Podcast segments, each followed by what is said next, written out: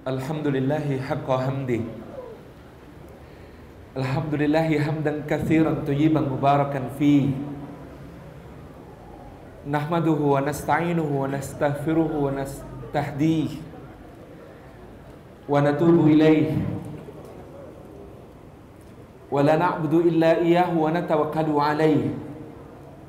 Allahumma fasalli wa sallim على سيدنا وحبيبنا وشفيعنا ومولانا محمد وعلى آله وعلى أصحابه وذرياته ومن تبعهم بإحسان إلى يومنا هذا وبعده ثم السلام عليكم ورحمة الله وبركاته.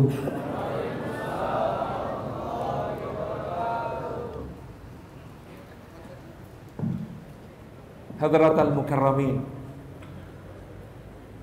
Para ulama, para masyaikh, para sesepuh Para asatid, para ustadzat, guru-guru kita semua.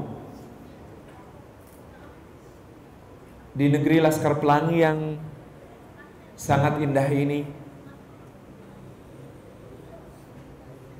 Yang kami hormati segenap Dewan Kemakmuran Masjid Ashura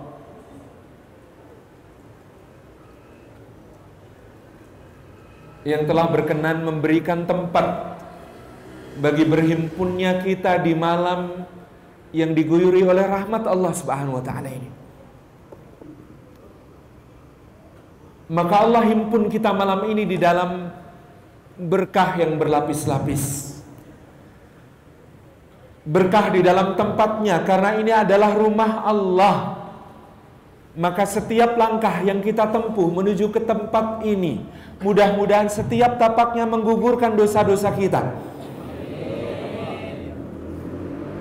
Dan meninggikan derajat kita di sisi Allah Subhanahu wa taala. Berkah di dalam langkah-langkahnya sebab ayah, bunda, rekan-rekan hadirin hadirat sekalian semuanya termasuk ke dalam apa yang disabdakan oleh Nabi sallallahu alaihi wa alihi wa sahbihi wasallam man salaka tariqan yaltamisu fihi ilman sahhalallahu lahu bihi tariqan ilal jannah. Rawahul Bukhari wa Muslim ayat sahih. Nabi sallallahu alaihi wasallam mengatakan siapa menempuh jalan untuk bersentuhan dengan ilmu maka Allah jadikan baginya dengan setiap langkah yang dia tempuh itu dimudahkan baginya jalan menuju surga maka langkah-langkah antum semua lebih berharga daripada dunia seisinya. Bapak Ibu yang dirahmati Allah, kita hari ini banyak dimudahkan oleh teknologi, internet, YouTube untuk meraih ilmu. Tetapi Kadang-kadang tanpa sadar kita kehilangan berkahnya melangkah ke majelis ilmu. Maka dari itu dulu para ulama itu rela mengadakan perjalanan berbulan-bulan hanya untuk mendapatkan satu hadis yang kadang-kadang mereka sudah hafal matannya sebelumnya dari jalur sanat yang lain. Mereka tidak menyesali perjalanan berbulan-bulan yang menguras tenaga, menghabiskan biaya, yang menyusahkan, membuang waktu. Tidak. Karena mereka tahu dalam setiap langkah yang mereka tempuh itu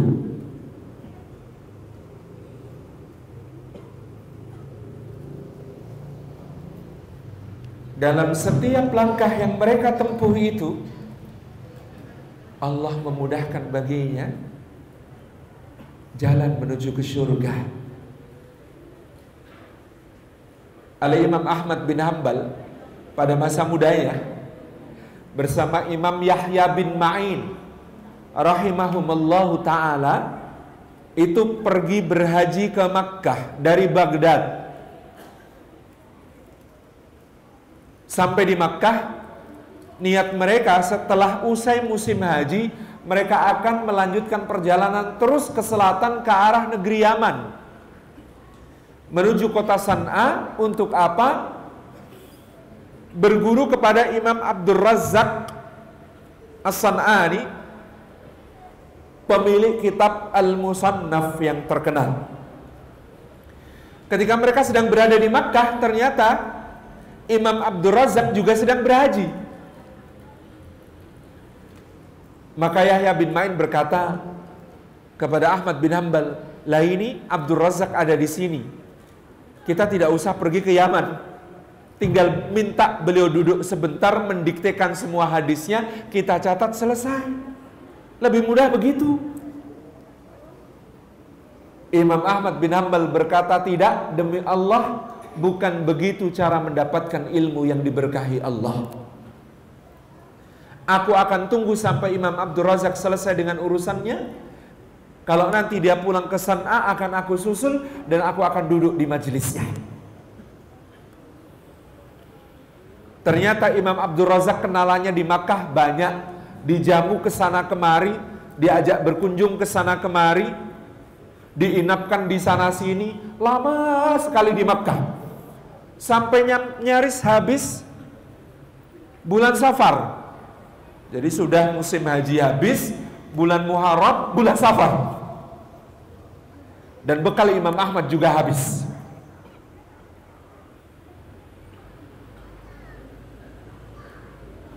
Dan kemudian Imam Abdul Razak pulang dengan sisa-sisa bekal yang sangat sedikit Imam Ahmad bin Hambal menyusul pergi ke Yaman sampai di Yaman tidak ada pilihan lain.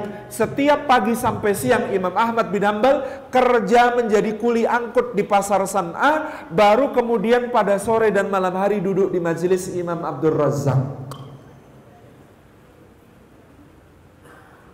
Begitu Imam Abdul Razak tahu ini adalah Ahmad bin Hambal ulama muda dari Irak yang sudah sangat masyhur Beliau kemudian mengatakan, bukankah engkau ini Ahmad bin Hambal?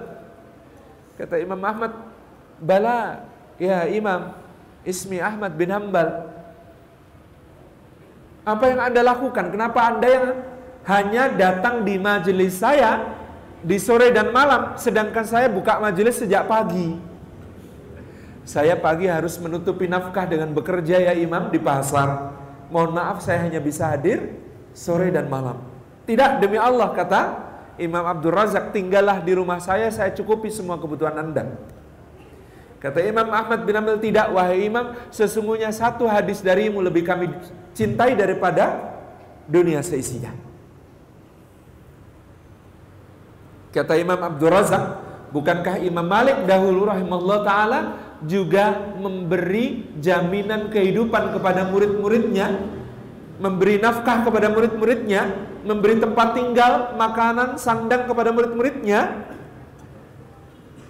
Kata Imam Ahmad bin Hambal, demi Allah wahai Imam, aku ini orang yang malu ketika menerima pemberian sesama makhluk. Maka Imam Abdul Razak mengatakan aku dengan demikian sudah tidak bisa memaksamu. Maka Imam Ahmad bertahan beberapa bulan menulis hadis di majlisnya Imam Abdul Razak. Kemudian beliau pulang ke Baghdad. Ketika beliau pulang ke Baghdad, beliau bacakan hadisnya kepada murid-muridnya. Dari apa yang beliau dapati dari Imam Abdul Razak, murid-muridnya mengatakan, Ya Imam, kok pelajarannya diulang? Hadis Imam Abdul Razak yang anda bacakan semuanya kami sudah tahu. Hanya beda sanatnya saja, matannya semua sama dengan yang pernah kau sampaikan. Coba bayangkan. Jadi Imam Ahmad pergi ke Yaman itu mendapatkan hadis yang sama dengan yang sudah beliau hafal. Apakah beliau misal? Tidak. Setiap langkah menuju ilmu adalah dimudahkannya jalan menuju ke surga. Maka kadang-kadang hari ini kita malas melangkah ke majelis ilmu di masjid-masjid kita malas melangkah mendatangi guru-guru yang ikhlas. Kita lebih suka sambil berbaring, kaki ditumpangkan di atas lutut yang lain. Handphone dibuka, YouTube dibuka, cari ustadz kesayangan, search tema yang disukai, kemudian putar di situ ngaji sampai tidur blok begitu. Di mana indikator hilangnya berkah itu? Coba perhatikan kajian-kajian di YouTube, komentar di bawahnya. Isinya pro dan kontra dan kadang-kadang lepas adab, lepas akhlak, mencaci maki satu sama lain, mengolok-olok satu sama lain, merendahkan satu sama lain, lupa bahwa kehormatan saudaranya sesama muslim adalah haram. Lupa bahwa membawa hutang kepada seorang muslim, seorang mukmin ketika menghadap Allah Azza wa Jalla adalah beban yang sangat berat.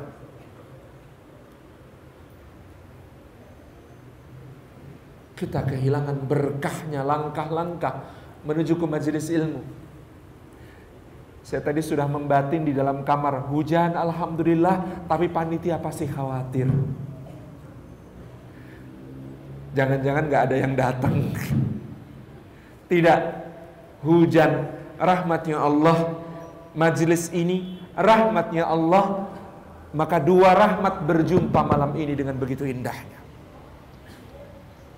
Kita berada di dalam tempat yang berkah dalam suasana rintik-rintik hujan yang berkah. Pintu-pintu langit sedang dibuka. Fa'aksiru minat doa, kata para salafus saleh, ketika pintu langit dibuka seperti itu, perbanyak doa kalian. Karena kalian sedang didengarkan oleh zat yang sangat suka jika dimintai. Kalau makhluk makin dimintai, makin sebal hatinya. Permintaan pertama mungkin masih senyum ngasihnya. Permintaan kedua senyumnya tambah sempit. Minta lagi yang ketiga sudah tidak tersenyum. Minta lagi yang keempat agak masam mukanya minta lagi yang kelima, cemberut dia. Minta lagi yang keenam, sudah tambah ngomel. Minta lagi yang ketujuh, bukan cuma ngomel tapi membentak. Makhluk. Maka Allah berbeda dengan makhluk. Karena dia adalah Al-Khaliq, makin diminta, makin cinta. Maka Imam Ibn Rajab Al-Hambali bertanya kepada murid-muridnya, dengan apa kalian tidak mendekat kepada Allah? Seorang murid menjawab, dengan sujud yang lama ya Imam. Kata Imam Ibn Rajab, tahukah engkau ada makhluk yang pernah bersujud jauh lebih lama daripada dirimu? Dan kemudian dia terlaknat sampai hari kiamat. Iblis sebelum diciptanya Adam sujud di hadapan Allah Subhanahu wa taala 40 ribu tahun tanpa mengangkat kepalanya sedikit pun sehingga Allah memuliakannya mengangkatnya ke alam malakut. Kuat sujud 40 ribu tahun 4 menit saja migrain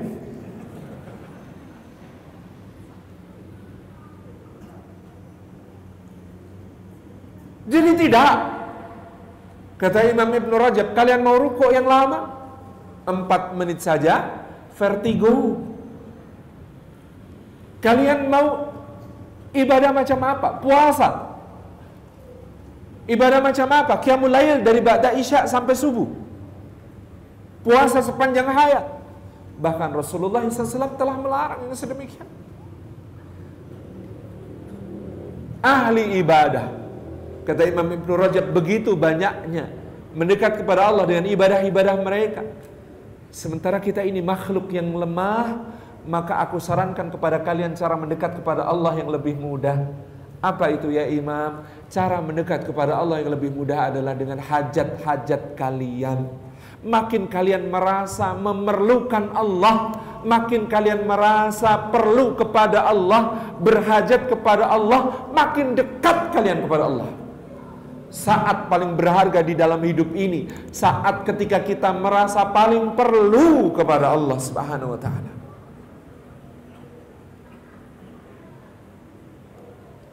Maka indah sekali hadis itu. Ini inda dhanni abdi bi. Sesungguhnya aku di sisi prasangka hambaku kepadaku. Apa syarahnya kata para ulama? Barang siapa merasa dirinya berdosa dan yakin Allah maha pengampun maka dia diampuni oleh Allah subhanahu wa ta'ala. Barang siapa merasa dirinya lemah dan yakin Allah maha kuat Allah yang menguatkannya. Barang siapa yang merasa dirinya kotor dan hina dan yakin Allah maha suci, maka Allah mensucikannya.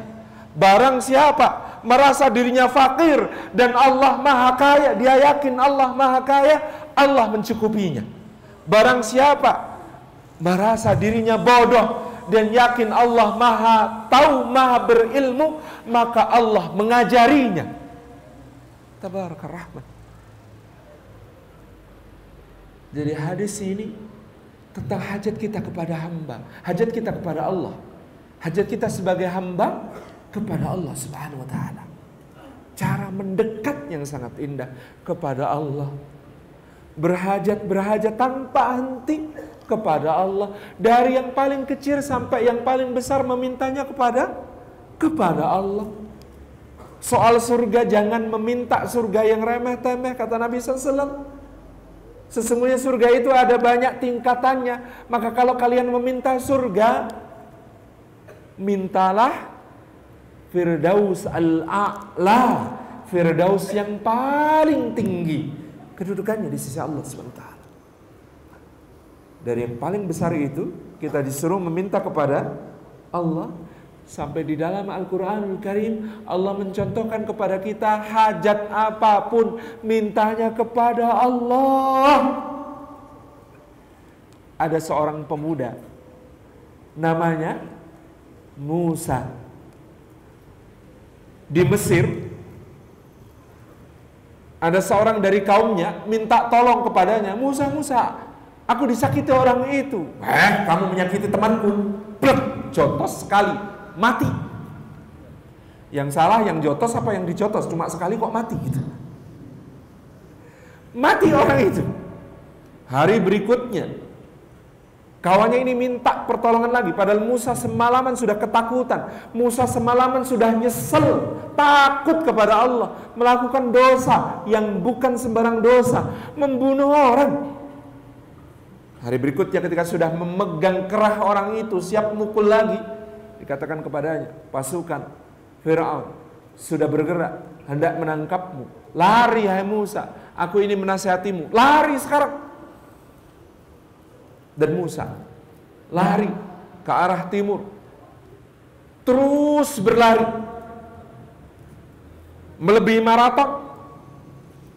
Karena dari Mesir sampai ke Madian itu sekarang Anda bisa bayangkan dari Kairo sampai ke Amman, Yordania. Lari tanpa henti.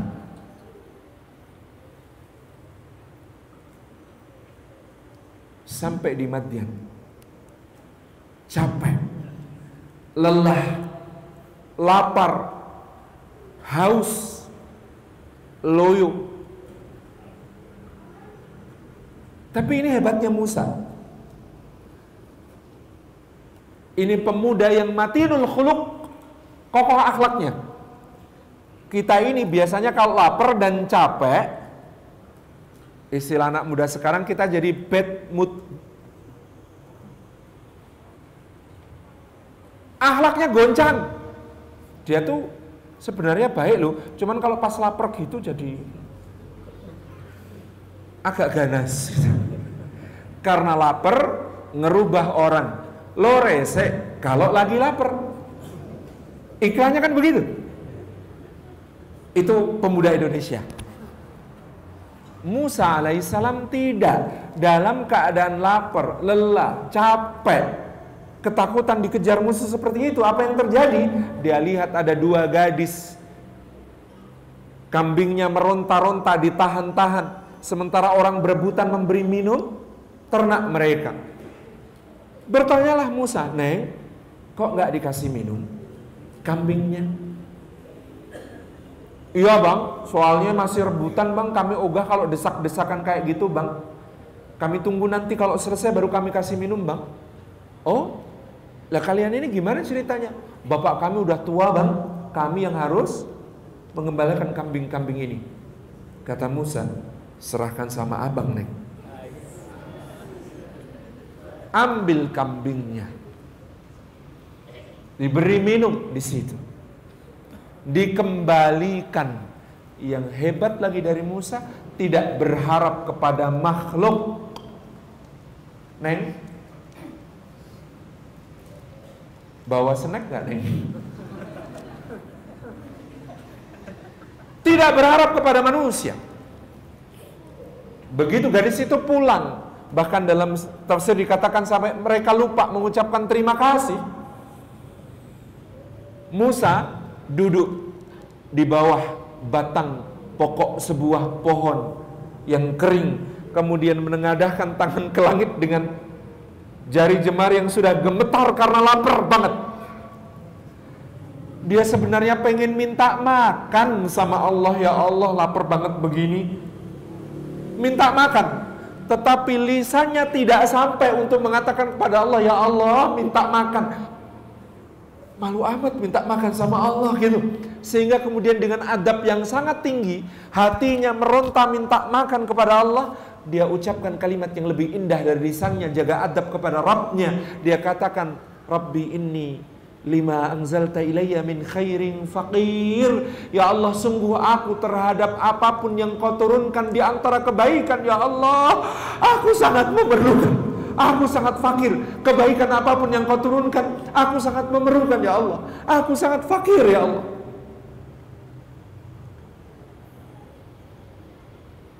Berdoa itu kalau jaga adab kepada Allah pasti diberi lebih baik dari yang kita minta. Wong yang tidak pernah kita minta saja itu Allah ngasih kok. Apalagi yang kita minta pasti dikasih lebih baik. Cuma kadang-kadang nggak sadar kalau sudah dikasih. Bapak-bapak pernah berdoa, ya Allah karuniakan aku udara yang cukup untuk bernafas gitu. Pernah berdoa begitu bu? Enggak, dikasih nggak sama Allah? Dikasih. Jarang orang berdoa tentang nafas itu kecuali asmanya kambuh. Tapi nafas terus diberikan Allah kepada kita tanpa henti sebelum jatahnya habis. Ada yang minta tiap hari harus minta dulu sama Allah gitu. Ya Allah, minta air ya Allah untuk minum ya Allah gitu. Minta, harus minta sama Allah air. Enggak. Dan apakah Allah berhenti memberi kalau kita tidak minta? Enggak. Maka pada yang diberi pasti diberi Allah lebih baik dari itu. Cuma kadang-kadang kita nggak sadar. Kita nuntutnya minta diberi persis permintaan kita. Padahal kadang-kadang permintaan kita itu berbahaya. Anda tahu nggak kalau sebagian doa Anda itu kalau dikabulkan nyusahin. Kata Imam Ibn Atta'illah Asakandari, ada orang berdoa, Ya Rabbi, karuniakan kepadaku setiap hari segelas air, segelas susu, dan dua potong roti tanpa aku harus bekerja. Dengan begitu ya Rabbi, aku akan lebih khusyuk beribadah. Dikabulkan nggak? Dikabulkan sama Allah. Caranya bagaimana? Dia tertuduh, terfitnah, kena kasus, masuk penjara. Kenapa kok masuk penjara? Karena di mana tempatnya ada dua potong roti plus segelas air, segelas susu gratis setiap hari. Di mana tempatnya saat itu? Di penjara. Ransum. Maka dia minta begitu dikabulkan sama Allah. Masuklah dia ke penjara. Bersyukur enggak doanya dikabulkan? Ya Allah, salah saya apa? Saya kan tidak bersalah kok bisa saya masuk penjara. Ini namanya salah berdoa. kadang-kadang memang sebagian doa kita itu kalau dikabulkan persis seperti permintaan kita justru bahaya. Maka dari itu kata para ulama, ya kalian minta apa pun dengan bahasa apa pun boleh, cuma yang ada dalam Quran dan Sunnah Nabi Sallallahu Alaihi Wasallam itu doa yang dituntunkan dalam Al Quran dan Al Hadis itu aman insya Allah. Itu lebih aman bebas efek samping. Nah tadi efek sampingnya agak berat masuk penjara. Tabarakar Rahman. Apa yang diperoleh Musa alaihissalam ketika dia berdoa? Ya Allah, Sesungguhnya aku terhadap apa pun yang kau turunkan di antara kebaikan. Aku fakir ya Allah. Mintanya aslinya cuma minta makan. Lisannya jaga adab kepada Allah. Maka datang seorang gadis di antara dua tadi bilang kepadanya, "Bang, dipanggil abah saya, Bang." Siap, Neng. Hebatnya Musa, apa yang dia katakan kepada gadis itu? Jalan di belakang ya, Neng, saya yang depan. Kalau belok kasih kode, Neng. Tuh kenapa, Bang? Saya ini nggak tahan jalan di belakang perempuan, Neng. Nggak kuat mata saya. tahu kelemahan dirinya. Saya nggak kuat berjalan di belakang perempuan. Mas-mas kuat? Ya nggak apa-apa kalau kuat. Musa alaihissalam tahu batas diri. Nggak kuat saya. Lihat perempuan dari belakang itu. Bagi Musa sebuah pemandangan yang tidak menguatkan. Belakang ya neng ya. Nanti kalau belok kasih tanda. Siap bang. Jalan. Sampai ke tempat bapaknya. Bapaknya tanya.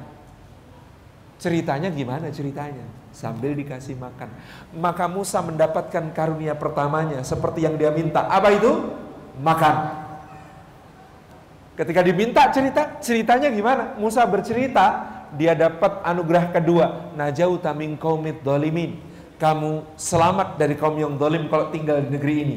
Perlindungan. Habis itu dia dapat karunia ketiga. Apa karunia ketiga? Tempat tinggal. Tinggallah di sini. Kos-kosan. Gratis. Anugerah keempat dari Allah Subhanahu wa taala. Apa itu? Pekerjaan. Kalau kamu mau kamu bisa bekerja di sini mengurus ternak dan juga tanaman 8 tahun atau kau sempurnakan 10 tahun aku tidak akan minta lebih pekerjaan oke anugerah berikutnya karena aku akan menikahkan engkau dengan salah satu di antara kedua putriku jodoh anugerah berikutnya nanti apa yang diberikan oleh Allah? Taufik bimbingan dan akhirnya nubuah dijadikan nabi. Dan risalah dijadikan rasul. Anugerah terbesar untuk Musa alaihi salam. Rasul terbesarnya Bani Israel. Menurut sebagian ulama rasul terbesar setelah Muhammad SAW dan Ibrahim alaihi salam dan bahkan ini rasul yang paling banyak disebut namanya di dalam Al-Quran Musa alaihissalam mintanya makan lisannya jaga adab dapatnya semua mengatasi semua kesulitan hidup. Ada yang kesusahan soal makan, kesusahan soal keamanan, kesusahan soal tempat tinggal, kesusahan soal apa tadi? Pekerjaan, kesusahan soal jodoh. Solusinya apa berarti kalau begitu? Lari. Bukan lari dari kenyataan. Fafirru ilallah, larilah kepada Allah Subhanahu wa taala, mengadulah kepada Allah, Rabbi inni lima anzalta ilayya min khairin faqir. Ya Allah, sungguh aku terhadap apa pun yang kau turunkan di antara kebaikan, aku sangat fakir. Berkahnya hujan. Pintu langit dibuka. Hati kita Tolong buka lebar-lebar untuk memunculkan semua permintaan pinta-pinta kebaikan kepada Allah Subhanahu wa taala. Kata Abu Darda radhiyallahu anhu seorang sahabat berdoa itu kayak ngetuk pintu. Makin sering ngetuk, makin keras ngetuk, lebih mungkin dibuka. Maka kalau gontor cuma menjadda wajat gitu ya. Kalau saya dulu diajari di pesantren man jahada wajadda wajad. Wa man qara'al baba walajja walaj. Artinya apa? Siapa berjuang dan dia bersungguh-sungguh maka dia akan mendapat man jahada wajadda wajad. Man sesiapa jahada yang berjuang wa dan jadda dia bersungguh-sungguh wajada maka dia akan mendapatkan. Waman dan siapa? Al baba mengetuk pintu. Wa lajja dan ngetuknya bersikeras. Leko terus menerus walaj pasti akan masuk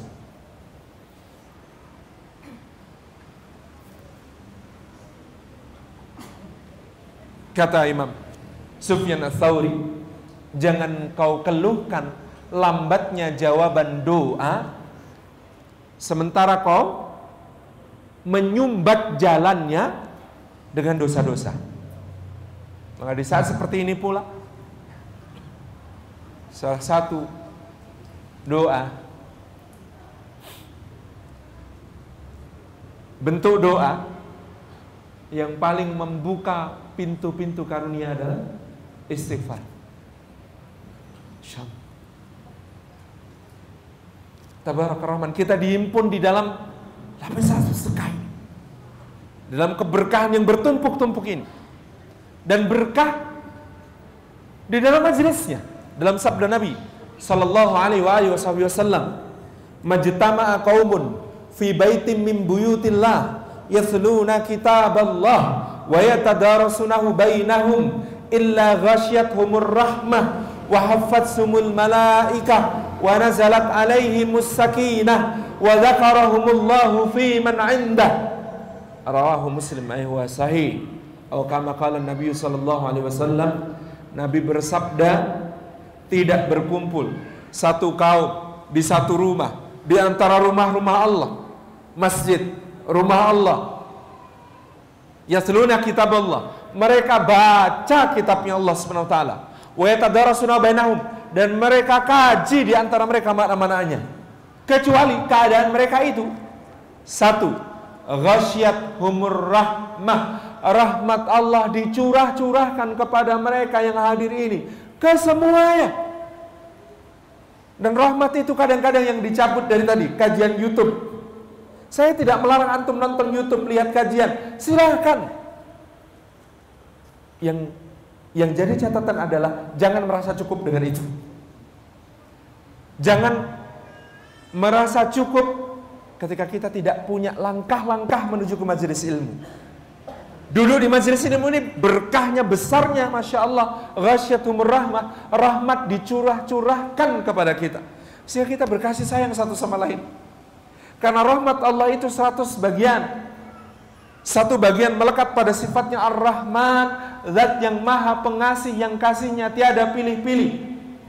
Maka semua makhluk mendapatkan kasih sayang Allah yang satu ini, rahmat Allah yang satu satu ini, satu bagian itu diturunkan dari awal zaman sampai akhirnya ke dunia semua mendapatkannya tanpa kecuali. 99 bagian melekat pada sifatnya Ar-Rahim, zat yang maha penyayang yang sayangnya tiada batas berbilang, diberikan kepada siapa hanya untuk yang beriman dan bertakwa kepadanya. Maka duduk-duduk seperti ini memancing-mancing rahmat Allah agar sempurna diturunkan 100 bagian untuk kita semuanya. Maka yang tidak bermajelis kehilangan rahmat ini. Sebab memang ketemu fisik seperti ini tidak tergantikan dengan ketemu di dunia maya.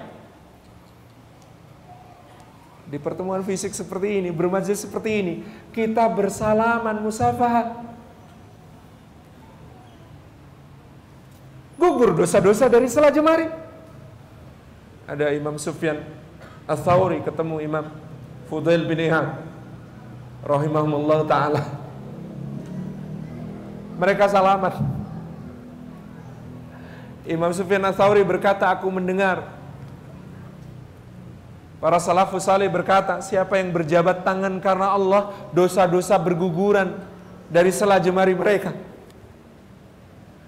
Imam Fudail bin Iyad mengatakan, dan aku mendengar sungguh kemuliaan itu bagi orang yang tidak tergesa-gesa melepas jabat tangannya dan bagi yang lebih akhir melepas jabat tangannya. Apa yang terjadi kemudian? Mereka tidak mau saling melepaskan jabatan tangan. Sampai tiba waktu sholat. Jalan ke masjid gandengan. Mencurigakan sekali. Kalau zaman sekarang. Tapi karena apa? karena mengetahui. Coba bayangin salaman ini. Dosa di antara kita berguguran dari setelah jemari. Mengulurkan salam kalau majelisnya seperti ini ketemu sudah saling senyum Masya Allah mata ketemu mata tapi jangan bibir ketemu bibir ya mata ketemu mata dan kemudian saling merasukkan doa satu sama lain. Assalamualaikum, salam kesejahteraan atasmu dilimpahkan juga rahmatnya Allah dan juga keberkahan darinya. Bapak-bapak itu kalau mengucap salam ngerasa nggak sedang mendoakan? Assalamualaikum, enggak kalau gitu. Jawabannya juga lam. Jangan, ini doa indah sekali. Salam Salam. Salam sejahtera atasmu. Juga rahmatnya Allah untukmu. Juga berkahnya untukmu. Tabarakallah. Indah sekali. Apalagi ditambah pelukan, cium pipi kanan, cium pipi kiri.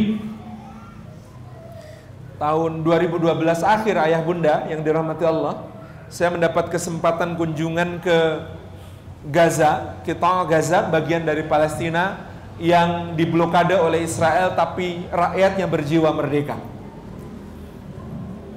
Saya ditanya, 10 hari di Gaza, kegiatan paling banyak ngapain Mas Salim?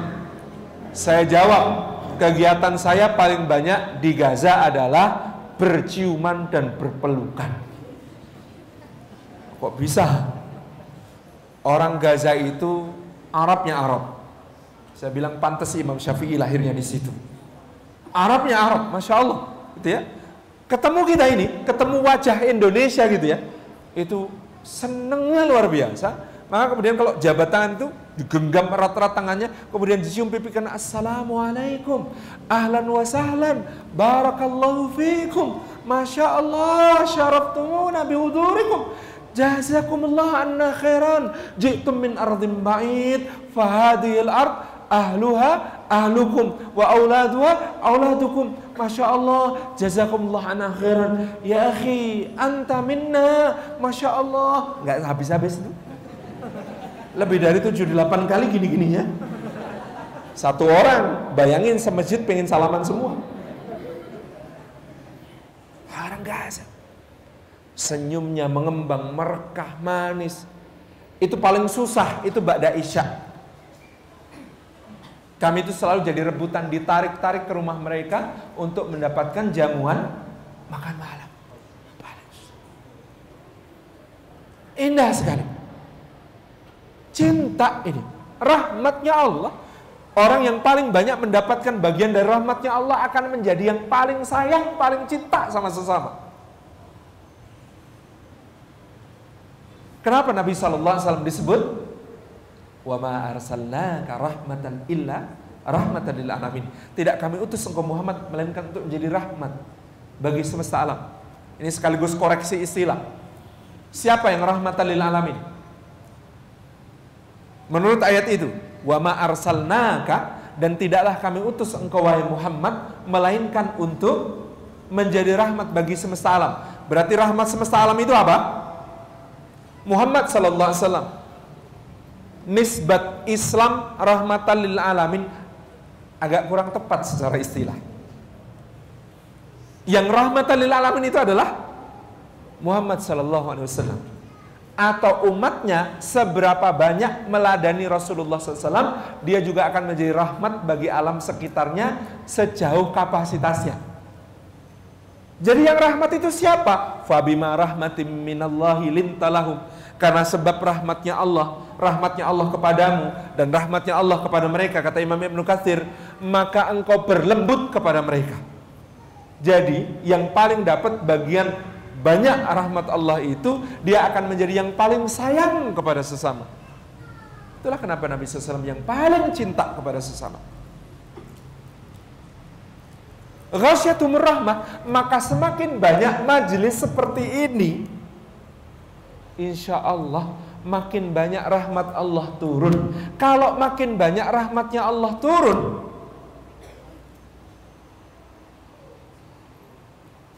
bukan hanya laskar pelangi nanti di sini. Negeri ini akan menjadi negeri laskar cinta. Penuh cinta semuanya. Satu sama lain. Indah sekali.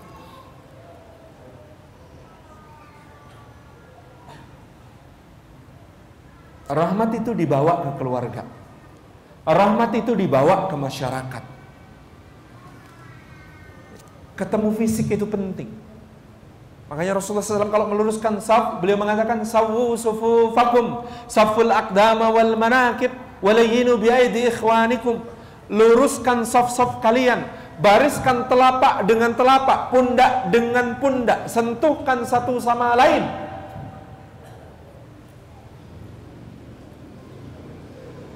Berlembutlah kepada saudara yang ada di samping.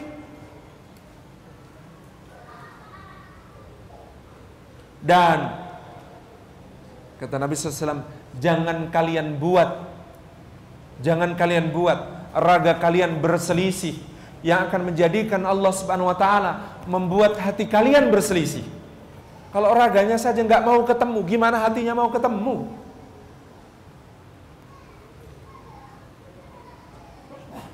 Karena Nabi SAW sangat memperhatikan ini, pertemuan fisik ini.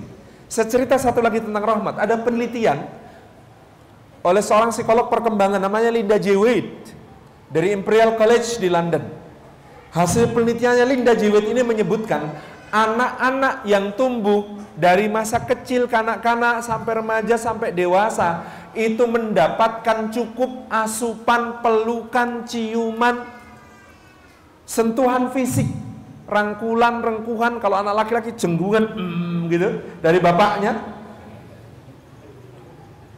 Bapak bangga sama kamu nak. Eh, habis jadi penjaga gawang ya, kebobolan 10 ya. Bagus. Kebobolan satu aja bangga apa apalagi kebobolan 10 ya toh? Saya gitu. Dijenggung, dipeluk, dicium oleh orang tuanya. Kalau anak-anak ini cukup mendapatkan asupan perhatian dan kasih sayang berupa pelukan, ciuman, sentuhan dari orang tuanya, apa yang terjadi?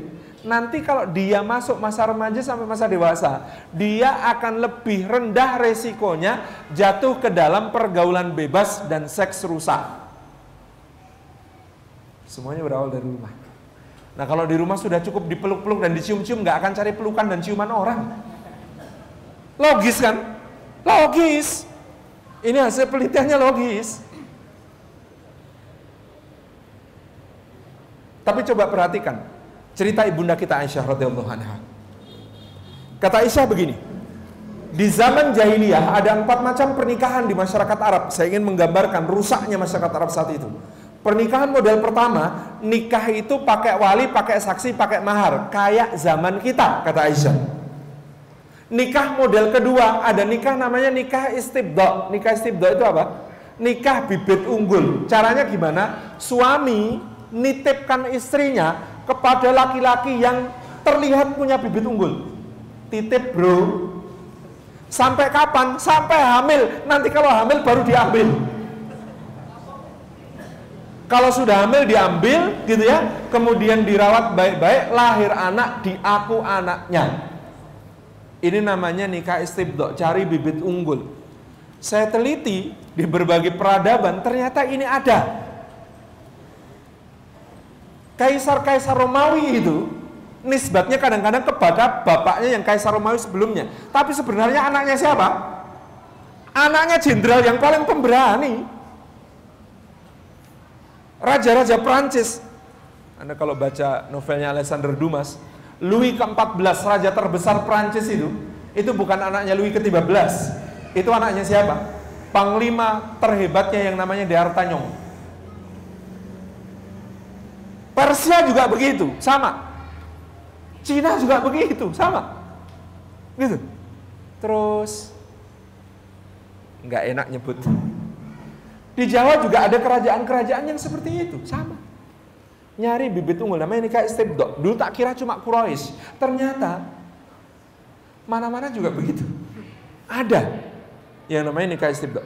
Nomor tiga, bangsa Arab itu nikahnya kata Aisyah modelnya begini. Sekelompok lelaki mendatangi seorang perempuan. Kalau hamil, nah kalau sudah hamil, nanti kemudian diundi namanya. Keluar nama laki-laki, salah satu laki-laki itu keluar namanya. Kalau keluar namanya, dia yang harus jadi suaminya. Yang lain yang nggak keluar nama tugasnya ngapain? Iuran. Ini namanya nikah arisan. Tuh. Model keempat, sekelompok lelaki mendatangi seorang perempuan kayak yang ketiga, bedanya apa? Nanti kalau sudah hamil bukan diundi tapi datangkan dukun. Dukunya bawa-bawa gitu ya, ritual terus nanti pas kesurupan nyebut nama. Nah nama itu yang kemudian ditunjuk jadi suami. Bedanya dengan yang ketiga apa? Kalau yang keempat nggak pakai iuran. Sebab apa? Yang nyebut dukun dianggapnya suara kebenaran. Kalau undian kan untung-untungan. Rusak. Ya, dan ibunda kita Aisyah mengatakan apa? Kalau ayat yang pertama-tama turun kepada Nabi SAW itu berbunyi, jangan berzina, jangan minum khamr. Apa kata Aisyah? maka bangsa Arab akan berkata, kami tidak akan meninggalkan zina dan khomer selama-lamanya.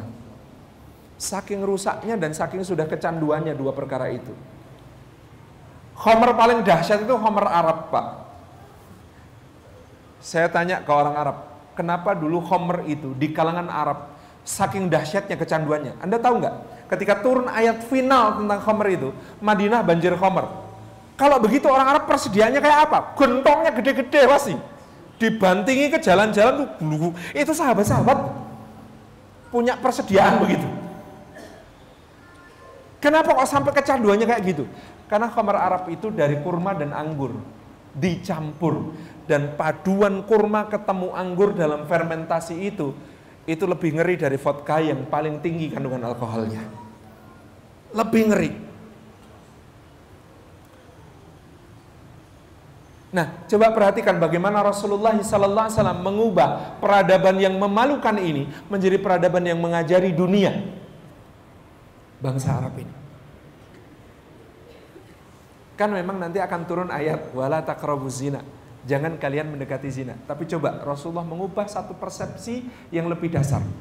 Apa itu?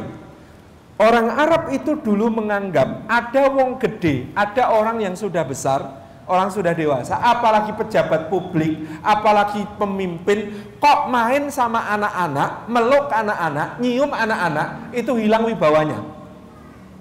Jadi orang Arab menganggap orang dewasa main sama anak-anak, nyiumin anak-anak, memeluk anak-anak itu menghilangkan wibawa. Apa yang dilakukan Rasulullah SAW?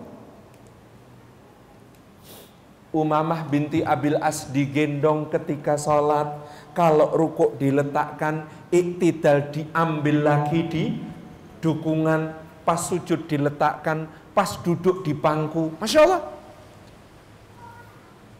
Al Husain satu hari ketika Nabi SAW sedang mimpin sholat Beliau sujud Husain naik ke punggung beliau Sujudnya nggak bangun-bangun Sampai-sampai sahabat kata Ibnu Abbas berpikir yang bukan-bukan tentang Rasulullah SAW.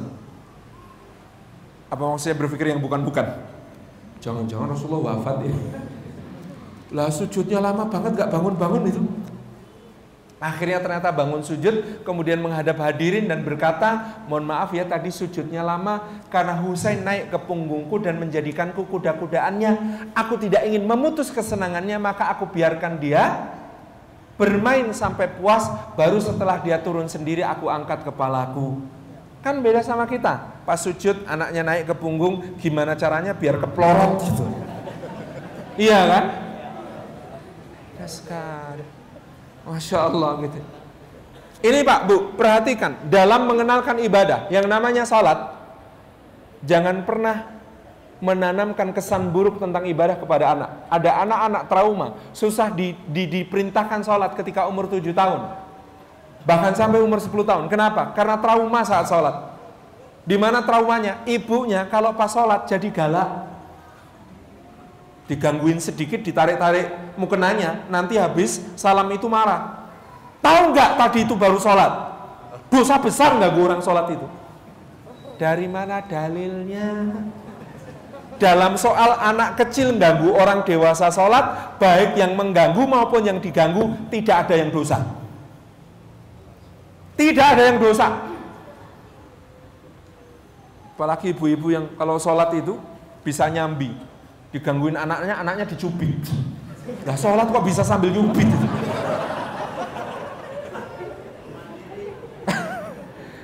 itu. kan jadi trauma anaknya. Ibu saya itu kalau sholat jadi monster gitu. Kan repot itu. Ini lembutnya Nabi SAW, Masya Allah. Al Hasan, Al Husain, Usamah bin Zaid, Abdullah bin Ja'far, Abdullah bin Zubair, Abdullah bin Umar, Abdullah bin Abbas dibariskan. Kemudian Rasulullah bersabda, "Ayo kita lomba lari. Siapa bisa menangkapku akan mendapat hadiah begini begini." Rasulullah lari, dikejar sama anak-anak itu. Yang namanya Abdullah bin Zubair itu yang paling gesit itu sampai bisa yang namanya Abdullah bin Zubair itu kakinya itu hentakannya sangat kuat sehingga apa? Diceritakan dalam kisah itu Abdullah bin Zubair itu loncat naik ke tubuh Rasulullah megang kepala dan leher beliau gitu. Yang namanya Hasan dan Husain itu tidak kalah lari banter banget loncat kena kenapa? Pundak dua dan lengan gitu.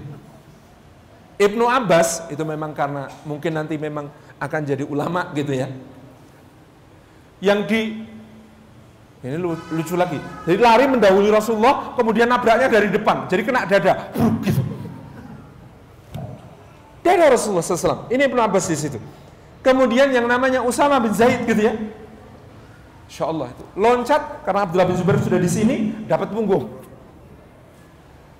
Yang namanya Abdullah bin Ja'far gitu ya dan Abdullah bin Umar blek-blek pinggang kanan pinggang kiri gitu. Gendol-gendol banyak Rasulullah gitu. Kemudian kaki juga dipegangin anak-anak yang lain. Kata Rasulullah SAW semua dapat hadiah gitu. Akhirnya semua dapat hadiah.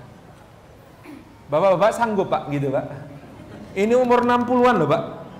Nabi SAW umur 60-an begitu. Satu hari baru pulang dari jihad visabilillah Hasan dan Husain di depan pintu langsung nubruk minta kakeknya jadi kuda-kudaan ditunggangin sama keduanya muterin rumah.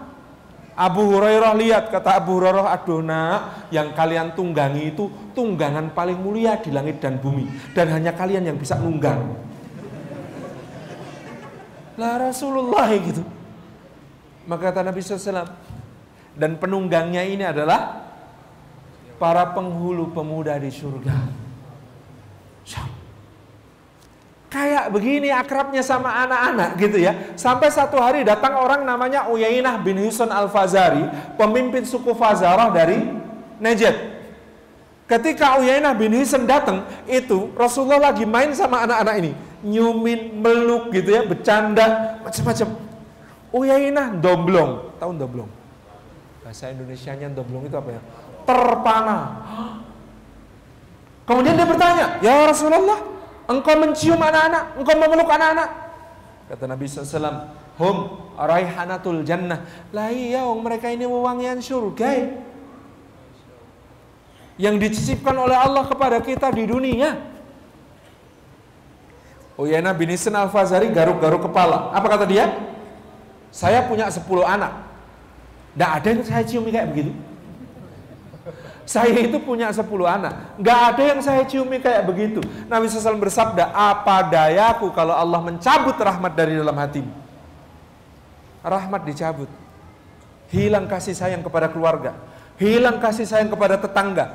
Hilang kasih sayang kepada saudara sesama muslim. Ada tanda kehilangan rahmat Allah di situ. Ada sekali. Apa yang terjadi Bapak Ibu dan Allah? Karena anak-anak ini sudah tumbuh dalam generasi yang dibesarkan pelukan, ciuman dari orang tuanya sangat intens. Ketika turun ayat wala taqrabu zina, janganlah kalian mendekati zina. Dapat nggak? Hubungannya dengan penelitian tadi? Dapat nggak? Dapat. Jadi bangsa yang suka zina ini, yang hobi zina ini, diubah Rasulullah menjadi bangsa yang saling berkasih sayang satu sama lain dengan penuh penuh kemesraan antara orang tua dengan anaknya, antara suami dengan istri. Begitu rupa. Nabi SAW. Ghasyatumur rahmah. Maka bermajlis seperti ini ngundang rahmatnya Allah SWT. Ini bapak-bapak pulang gitu ya. Langsung Assalamualaikum pulang pengajian itu tugas pertama peluk istri. Kemudian bilang I love you. Gitu kan? Bapak-bapak terakhir bilang aku cinta padamu kepada ibu kapan, Bapak? Kan kita ini kadang-kadang lupa mengungkapkan cinta itu perintah agama. Oh, kayak gitu tuh yang penting kan bukti nyata gitu.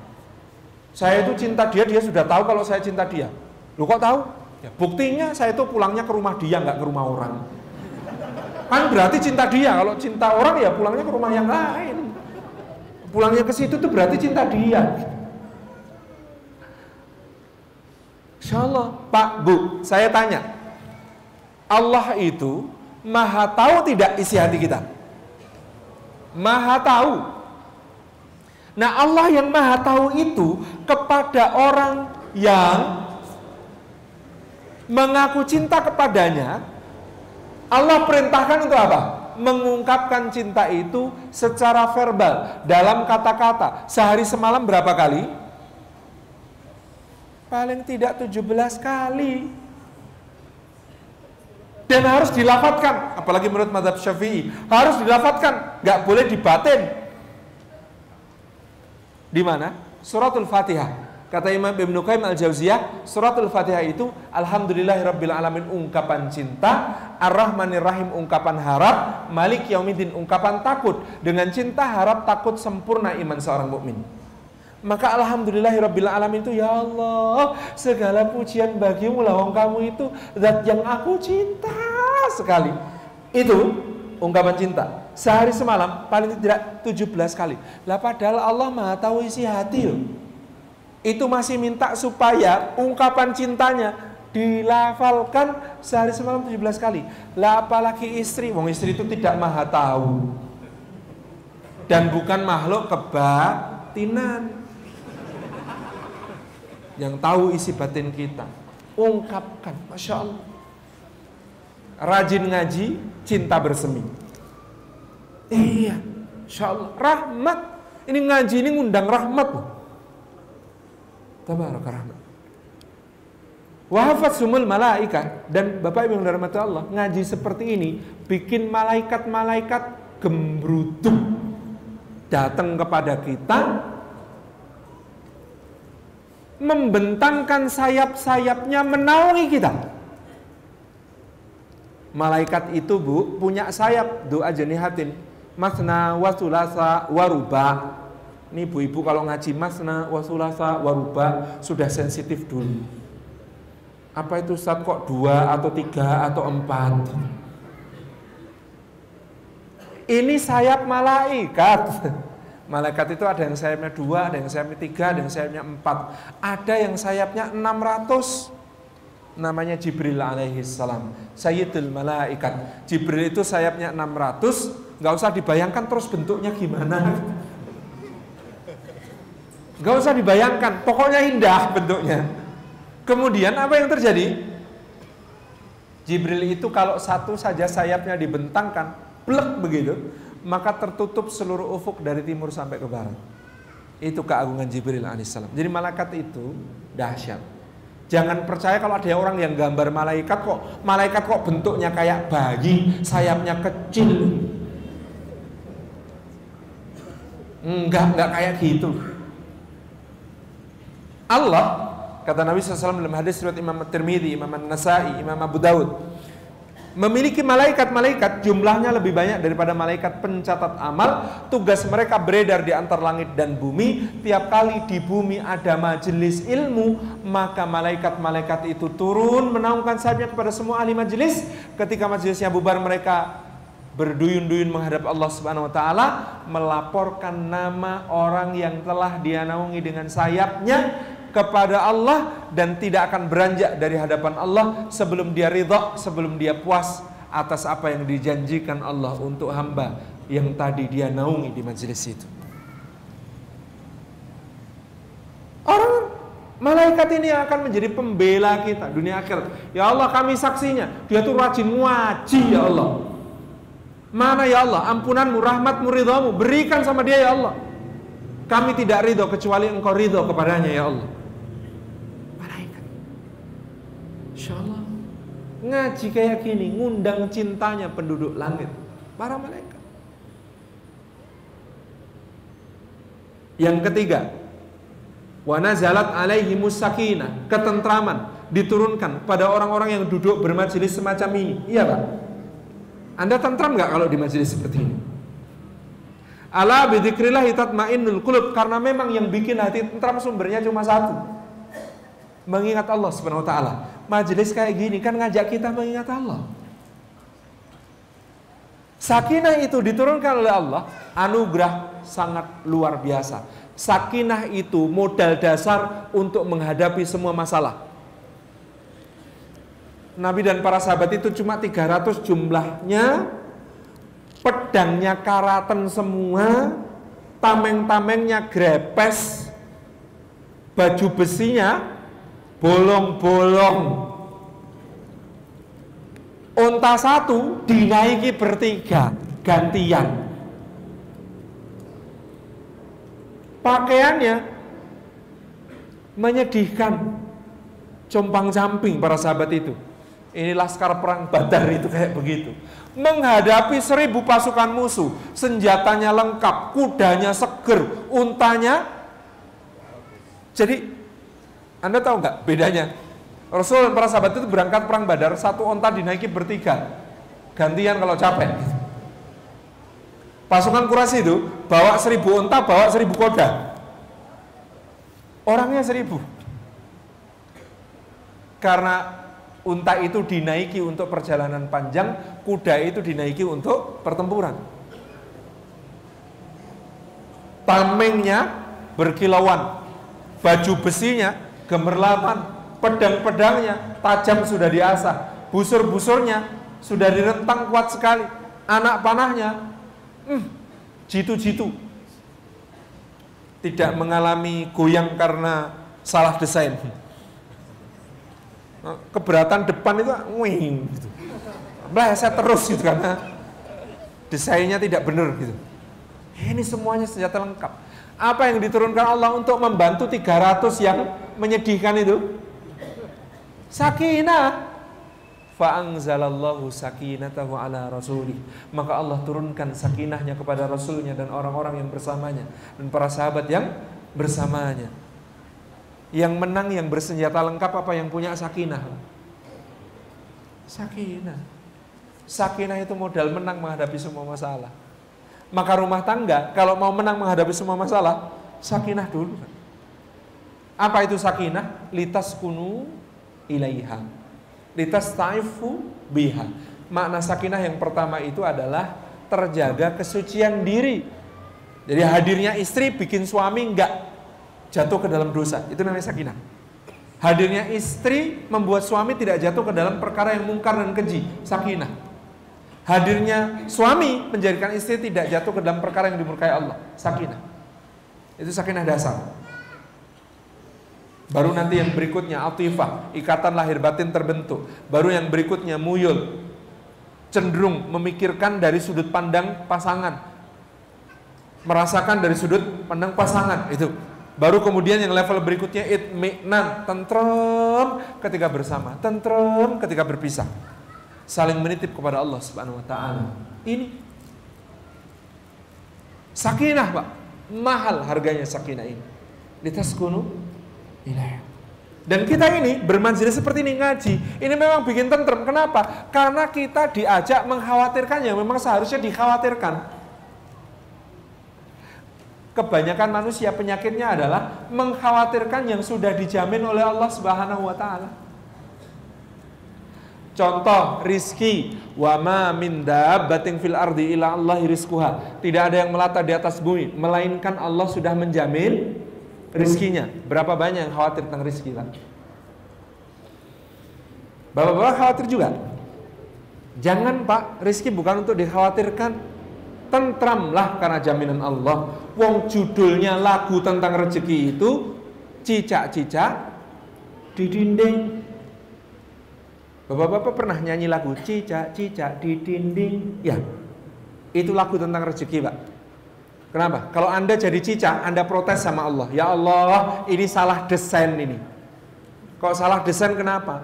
Lo makanan saya punya sayap, bisa terbang semua ke mana-mana. Saya bisanya cuma diam-diam merayap.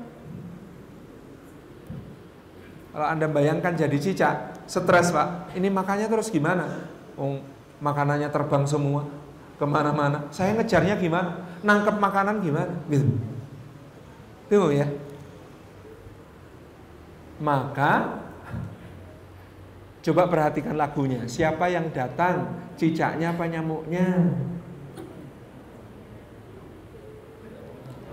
Iya kan lagunya berbunyi datang seekor nyamuk. Tugasnya cicak cuma hap lalu ditangkap.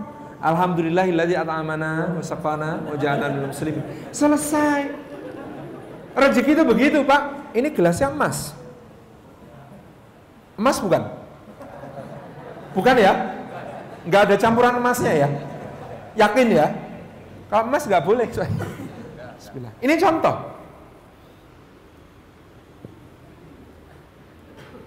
Tahu Pak? Ini air dari perairan bagian mana, naik ke atas langit di mana, jadi awan di mana, ditiup angin ke mana, jatuh hujan, jatuh sebagai hujan di mana, nyusup ke dalam tanah di mana, berada di antara celah-celah batu di mana, muncul sebagai mata air di mana, siapa yang masukin ke dalam botol. Dari botol di pabrik diangkut ke mana, tangannya siapa gitu ya satu sama lain sudah menghasilkan laba untuk berapa orang? Siapa yang tadi nuang ke dalam gelas yang kayak emas? Siapa yang ngatur semua itu? Bahwa ini rizkinya salim afillah. Allah. Ya Allah ini jauh banget ini. Jalannya sampai ke saya ini jauh banget. Saya cuma jalan dari duduk di sana ke sini. Karena kalau duduk di sana terus nggak dapet ini. Iya kan? Tapi ini perjalanannya, masya Allah, dari lautan naik ke langit karena panas matahari, jadi awan, bergulung-gulung awan ditiup angin, jatuh di pegunungan. Ini kayaknya buatan Jawa ini. Jadi berarti bukan di sini ini jatuhnya sebagai hujan, nyusup jadi ke dalam tanah di celah-celah batu, mancar sebagai mata air, bukan di sini. Sama dengan saya ini dari Jawa. Insya Allah. Memang orang yang bersyukur itu agak lebay gitu.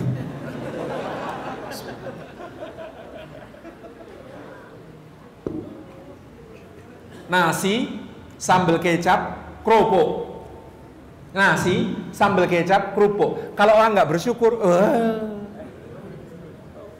cuma gitu. Tapi orang bersyukur, Pak. Ya Allah, berasnya ini tumbuh di mana ya Allah?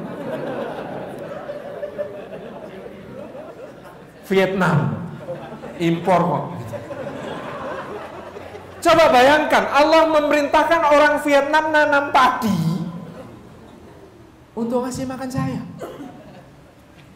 Oh kecapnya lebih dahsyat pak. Kenapa? Pakai kedelai, kedelainya impor dari Amerika.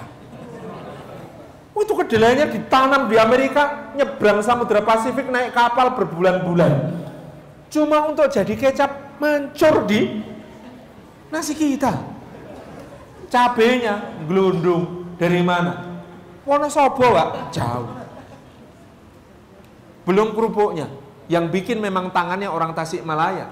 Tapi gandumnya gandum impor dari Cina, Pak, sekarang, Pak. Ya Allah, ditanam di Cina cuma untuk jadi kerupuknya kita itu. Kan hebatnya Allah mengatur rezeki dalam sepiring itu. Itu seluruh dunia dikumpulkan jadi satu.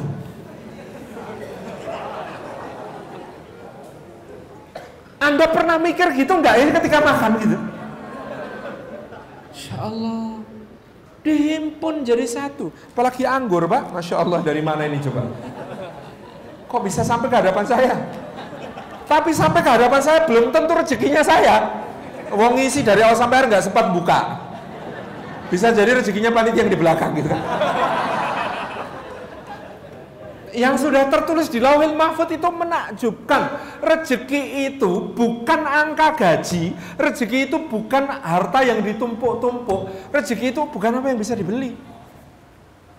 Ibu-ibu, kalau cari menantu, jangan cuma memperhatikan slip gajinya, perhatikan potensi rezekinya. Karena ada banyak orang gajinya besar, ternyata rezekinya kecil. Dan ada banyak orang gajinya kecil, ternyata rezekinya kecil. Ini serius sih. Coba bayangkan. Saya itu satu saat terpaksa naik pesawat Garuda nggak kebagian tiket ekonomi. Itu sekitar tahun 2007-2008. Ini kejadian tahun itu. Terpaksa beli tiket kelas bisnis. Beli tiket kelas bisnis masuk duduk di kelas bisnis. Dulu Pak, di Garuda, saya senang di kelas bisnis itu. Kenapa? Mengurangi godaan kayak Nabi Musa tadi. Karena di kelas bisnis nggak ketemu pramugari. Ketepunya tantenya pramugari. Sudah senior-senior itu. Nah, tantenya pramugari ini bawa nampan besar, isinya makanan kecil-kecil gitu ya. Samploan-samploan yang, ah, saya itu orang desa, Orang desa itu adanya cuma enak sama enak banget gitu.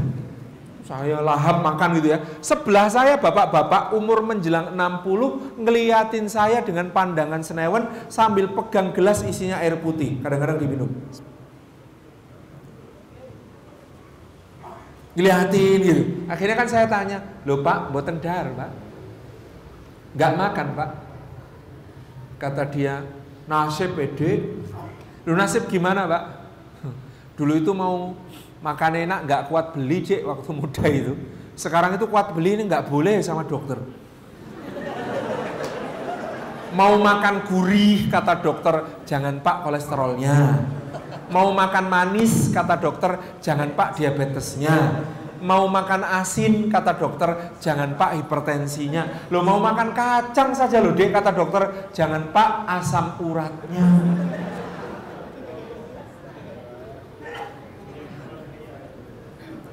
Saya bilang sama beliau, loh Pak belum tahu penelitian terbaru Pak. Loh apa deh? Ternyata kacang itu menurunkan asam urat Pak. Eh masa deh? Bukannya kacang itu bikin asam urat tinggi deh? Enggak Pak. Kacang itu menurunkan asam urat. Menurunkan gimana maksudnya deh? Dari mulut turun ke perut, turun ke lutut Pak. Ngawur Anda itu deh. Ngobrol punya ngobrol Pak. Dia direktur utama sebuah BUMN saya tanya ke Google gajinya itu waktu itu 200 juta per bulan.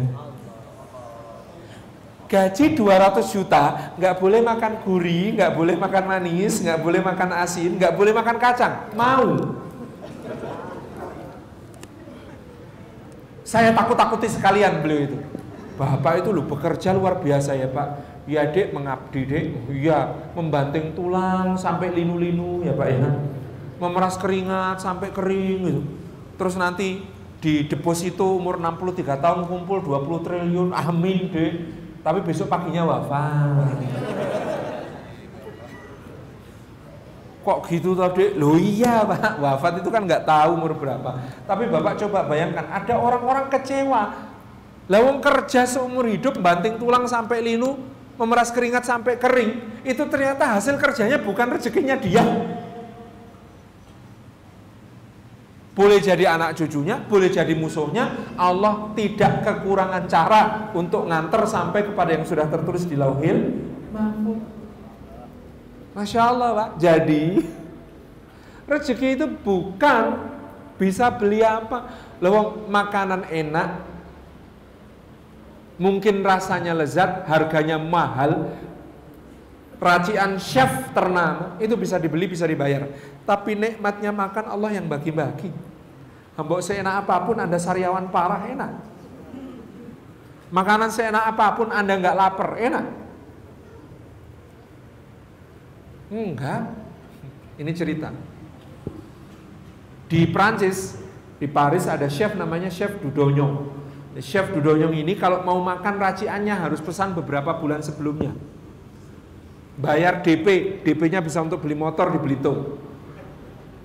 Itu nanti kalau sudah sampai hari H, datang gitu ya, duduk di meja, dikasih taplak, bukan dipasang di sini, pasang di bawah, pasang di sini, semuanya ditaplai gitu kan. Terus habis itu nanti makanannya keluar satu persatu, ya Allah makanannya itu itu piringnya besar, di tengahnya itu cuma irisan daging kecil itu. Terus nggak tahu ada rumput-rumputan apa gitu. Terus ada sausnya itu dibikin seret seret seret gitu. Makanan-makanan ala Prancis begitu. Enak, Pak. Mungkin, tapi yang namanya nikmatnya makan Allah yang bagi-bagi. Kadang-kadang ada petani di Gunung Kidul mencangkul dari jam 7 sampai jam 10. Jam 10 istrinya datang bawa bakul di belakang punggungnya, bawa tenggok, isinya nasi ketan dicampuri parutan kelapa, ditambah teh panas, wangi, sepet, legi, kental. Wangi, panas, sepet itu ada kesat-kesatnya itu. Kental, kental itu. Tet, apa? kental, legi itu manis. Teh Jogja kan begitu. Itu makannya saja disuapin istrinya. Oh, kenapa kok disuapin? Nah, ketangannya kotor. Ah, ah, ah, ah. Insya Allah. Nikmat mana makanya, Pak? Nikmatnya makan Allah yang bagi-bagi. Kamar tidur yang paling nyaman, kasurnya paling empuk, mendut-mendut walus selimutnya itu sit gitu. layanannya bintang 7 ada satu hotel yang mengklaim layanan bintang 7 namanya Burj Al Arab di Dubai itu bintang 7 satu-satunya di dunia. Semalam harganya bisa untuk bikin rumah di Belitung. Itu artis Hollywood yang rebutan di situ. Itu satu-satunya bintang 7 padahal di Indonesia banyak bintang 7 puyir obat sakit kepala.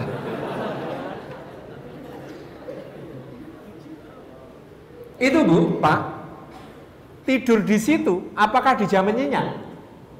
Kalau saya nggak mungkin nyenyak, mikir bayarnya. Kalaupun digratisi, mikir, bu ya dikasih mentahnya saja lo ya. Nah, gitu.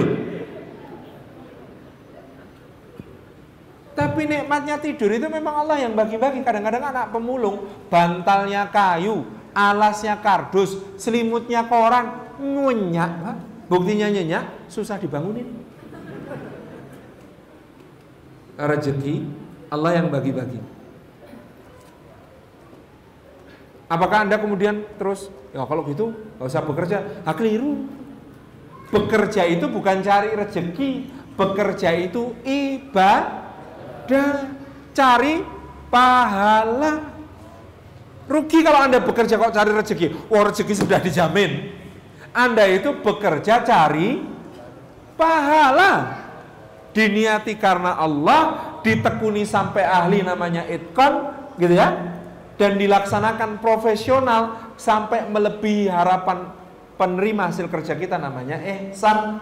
Dilaksanakan semuanya karena Allah namanya ikhlas. Itkon ihsan ikhlas. Itu kerjanya mukmin kan begitu. Bukan cari duit. Duit kok dicari? Siapa yang buang.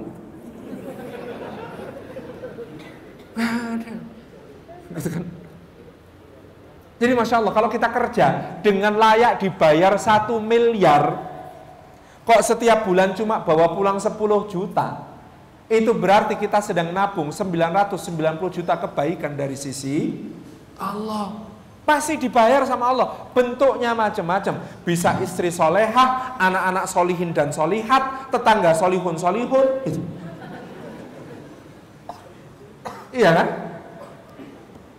Bisa dalam bentuk kesehatan, kebahagiaan, senyuman manis, kuat ke masjid, gitu ya, kuat puasa, kuat ibadah sunnah, kuat tahajudan.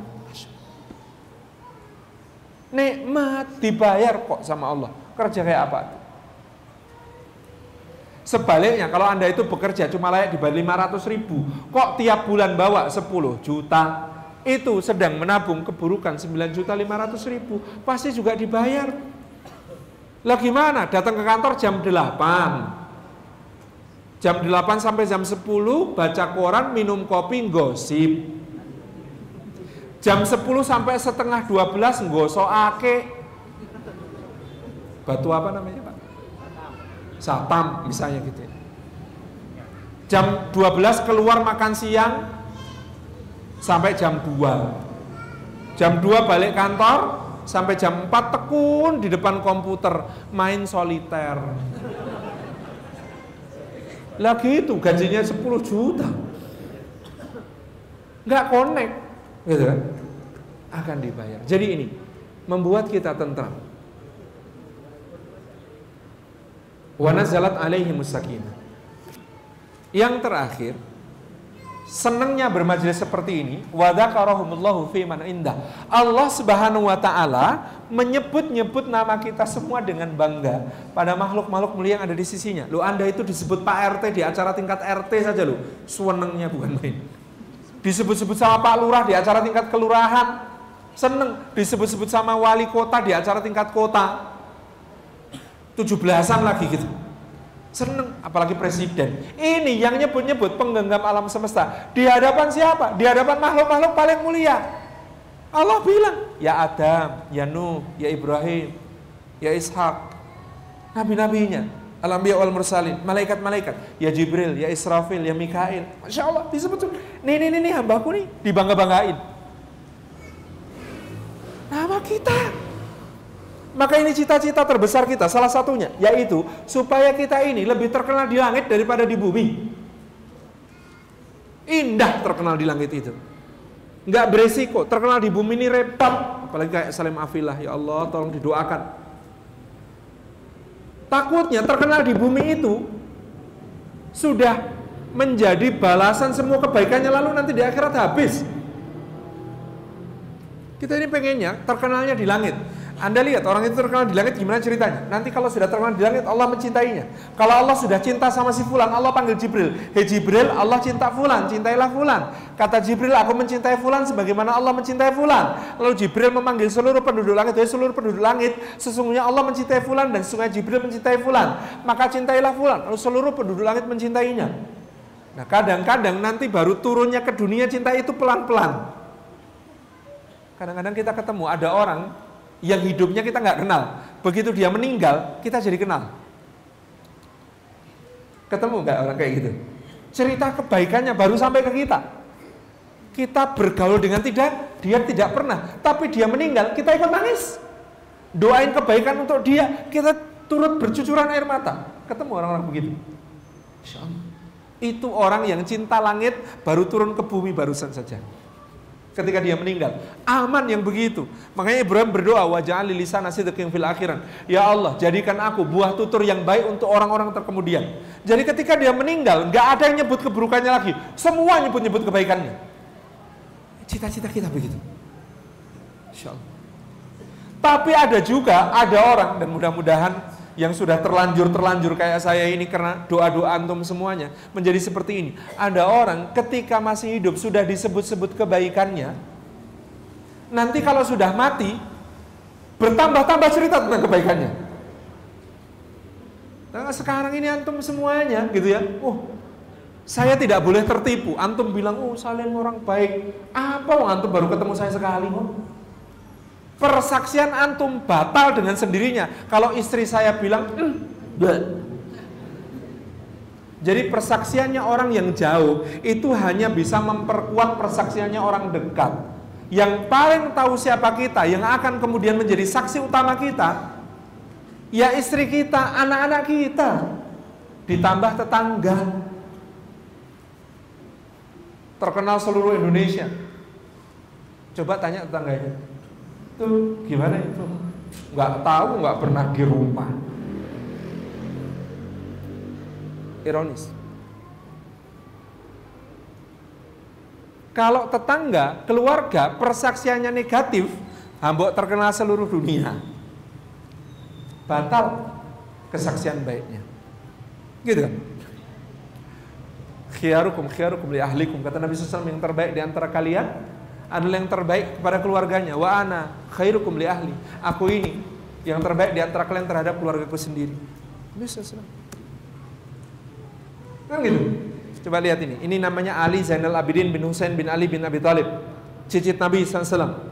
Sepanjang hidupnya orang kenal dia abid ahli ibadah, dia wara, dia zuhud, dia faqih, dia alim,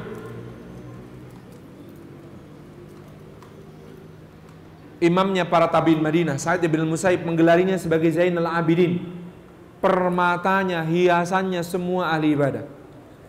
Selama hidup orang sudah menggelari dia dengan gelar-gelar baik. Ketika dia meninggal, apa yang terjadi? Penduduk Madinah itu biasanya di depan pintu mereka tiap pagi, apalagi para duafa, itu menemukan paket sembako lengkap setiap pagi dan mereka tidak pernah tahu, tidak pernah peduli siapa yang ngasih. Pokoknya dapat jatah. Begitu Ali Zainal Abidin bin Husain wafat, paketnya nggak muncul. Sampai berapa lama waktu paketnya nggak muncul. Akhirnya kemudian kasak kusuk, jangan-jangan selama ini beliau yang nganterin ke rumah kita. Sejak beliau wafat, paketnya terhenti. Lalu yang memandikan jenazahnya bersaksi, iya, saya ketika memandikan jenazahnya ketemu di punggungnya itu kapalan. Itu kayak orang yang tiap hari jadi kuli angkut, ngangkuti barang-barang. Orang-orang kemudian mengatakan buka gudangnya. Dibuka gudang rumahnya, bener paketan sembako sudah disiapkan. Cuma nggak ada yang nganter karena beliau wafat.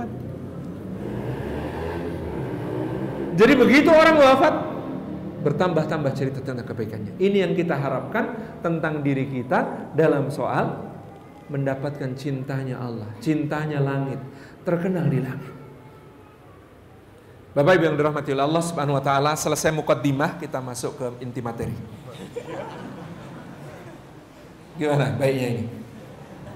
Temanya kan itu. Kita belum bahas tema itu kan? Berarti ini saya semuanya mukotimah gitu. Gimana gimana baiknya ini? Oh sudah malam. Jadi kadang-kadang mukotimah itu lebih penting daripada isinya. Tadi mukotimahnya sudah kita bahas gitu ya. Isinya kita satukan besok pagi subuh, insya Allah ya. Isinya kita satukan besok pagi subuh. Kenapa? Kita perlu menjadi seorang muslim. Kenapa? Kita sebagai seorang muslim perlu berjuang di jalan yang penuh cinta ini tadi. Karena kita di dalam taklim ini diajari untuk menjadi makhluk-makhluk penuh cinta. Rahmat. Pembelaan para malaikat. Sakinah. Terkenal di kalangan penduduk langit disebut-sebut oleh Allah Subhanahu wa taala. Ini hadir di majelis semacam ini kebahagiaan besar bagi kita. Jadi Bapak Ibu yang dirahmati Allah Subhanahu wa taala, ini mukadimah kita sekali lagi bahwasanya kita ingin menjadi yang menebarkan rahmatnya Allah Subhanahu wa taala kepada diri, kepada keluarga, kepada sesama. Karena muslim itu, muslim itu batas minimalnya muslim adalah mansalima ghairuhu milisani wa orang yang sesamanya selamat dari gangguan lisan dan tangannya. Pertanyakan diri kita ini kemuslimannya. Kalau orang itu melihat kita merasa terancam, awas, awas. Lidahnya tajam itu. Kalau pas ngomong nyakitin itu, nyakitin pakai love. Sakit banget soalnya. Ya kan? Pertanyakan kemusliman kita, kalau orang melihat kita itu, nggak selamat ini kalau deket dia ini, kena sikut pasti kena sikut, kena sikut. Jangan, jangan, jangan deket-deket. Muslim. Mumin yang sesamanya merasa aman dari dia. Itu kan? Gimana tidak merasa aman? Gimana tidak selamat? Gitu ya? Kalau dia adalah orang yang membawa rahmat ya Allah Subhanahu wa taala untuk sesamanya. Mukmin, muslim. Dan asas tertingginya adalah manfaat yang dihadirkan untuk sesama. Maslahat yang besar sebagai penutup. Seperti apa mukmin itu? Daraballahu masalah kalimatin tayyibatin kasyajaratin tayyibah. Allah membuat perumpamaan kalimat yang baik, keimanan yang baik, seperti pohon yang baik. Apa cirinya pohon yang baik, Pak? Satu, asluha sabit. Akarnya kokoh menghunjam. Dua, wa far'uha fis sama dan cabang-cabangnya menggapai langit. Ada dua ciri pohon yang baik di ayat ke-24 surah Ibrahim ini. Satu, akarnya kokoh mengunjam. Imannya, yakinnya teguh. Kokoh kepada Allah Subhanahu wa taala. Yakin. Yakin pakai qaf. Kepada Allah Subhanahu wa taala. Yakin bahwa Allah menjamin rizkinya. Yakin bahwa Allah yang menciptanya adalah zat yang harus dia mintai petunjuk untuk meniti kehidupan ini Yakin bahwa Allah yang menimpakan musibah pasti memberi ganti yang lebih baik.